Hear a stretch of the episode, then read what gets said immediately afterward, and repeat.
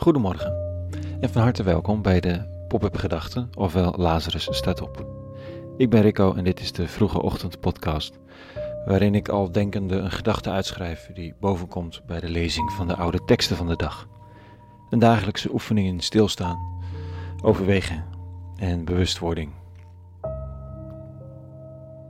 Vandaag met de titel Maar wat moet je met de pijn? Pop-up gedachte vrijdag 22 mei 2020.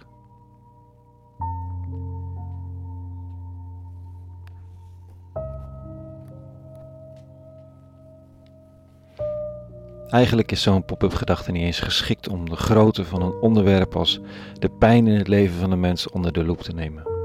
Dat kun je nu in 600 woorden voorzinnig zeggen.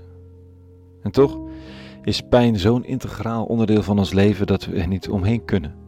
Of je nu als tiener op school je weg probeert te vinden, of dat je als basisschoolkind je vriendjes achter moet laten omdat je verhuist.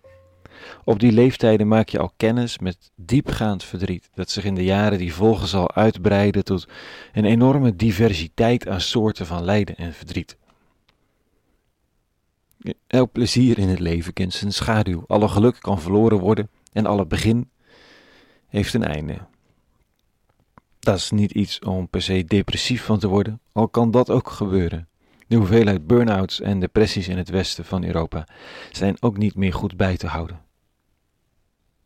Maar goed, je zou het ook andersom kunnen zeggen. Elk lijden, elke vorm, elke vorm van verdriet kent zijn momenten van licht en liefde.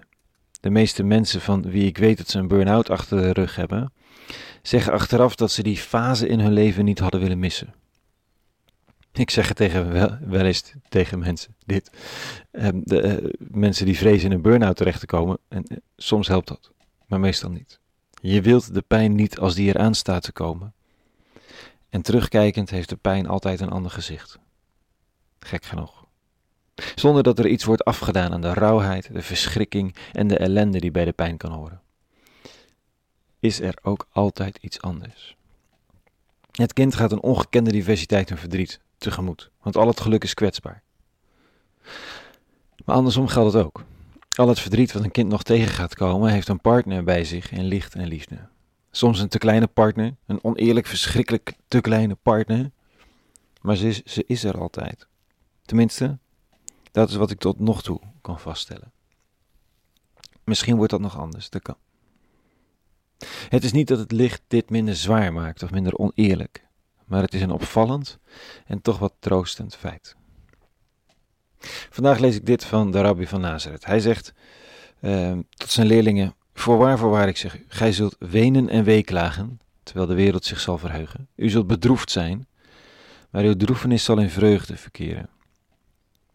Wanneer de vrouw gaat baren, is ze bedroefd omdat er uur gekomen is. Maar wanneer zij het kindje ter wereld heeft gebracht, denkt ze niet meer aan de pijn van blijdschap dat er een mens ter wereld is gekomen. De rabbi bereidt zijn leerling alvast voor op de verschrikkingen van zijn executie.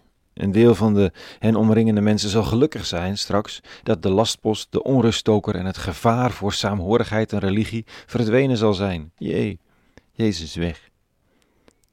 Maar zijn leerlingen zullen wenen en weeklagen. En daarna zal blijken dat deze pijn niet het einde van de wereld was. Sterker nog, het was een nieuw begin een onverwoestbaar begin.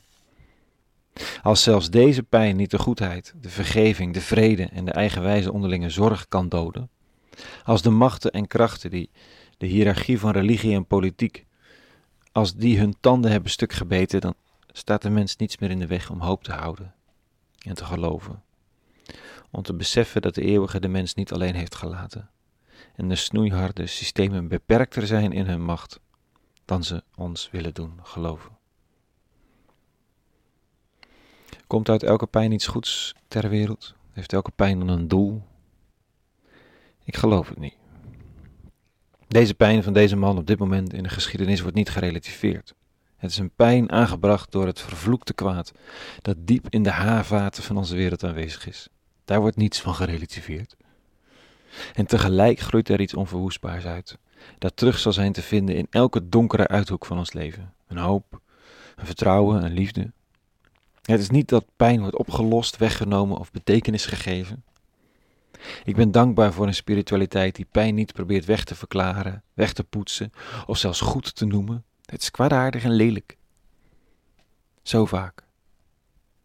En tegelijk groeit er altijd iets naast.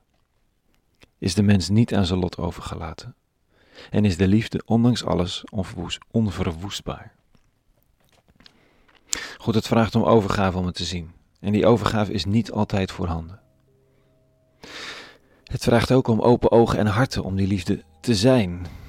De tools waarmee de eeuwige nabij is, dat is zo vaak de ander. Die jou tegemoet treedt. Of die door jou tegemoet getreden wordt. Tot zover vandaag.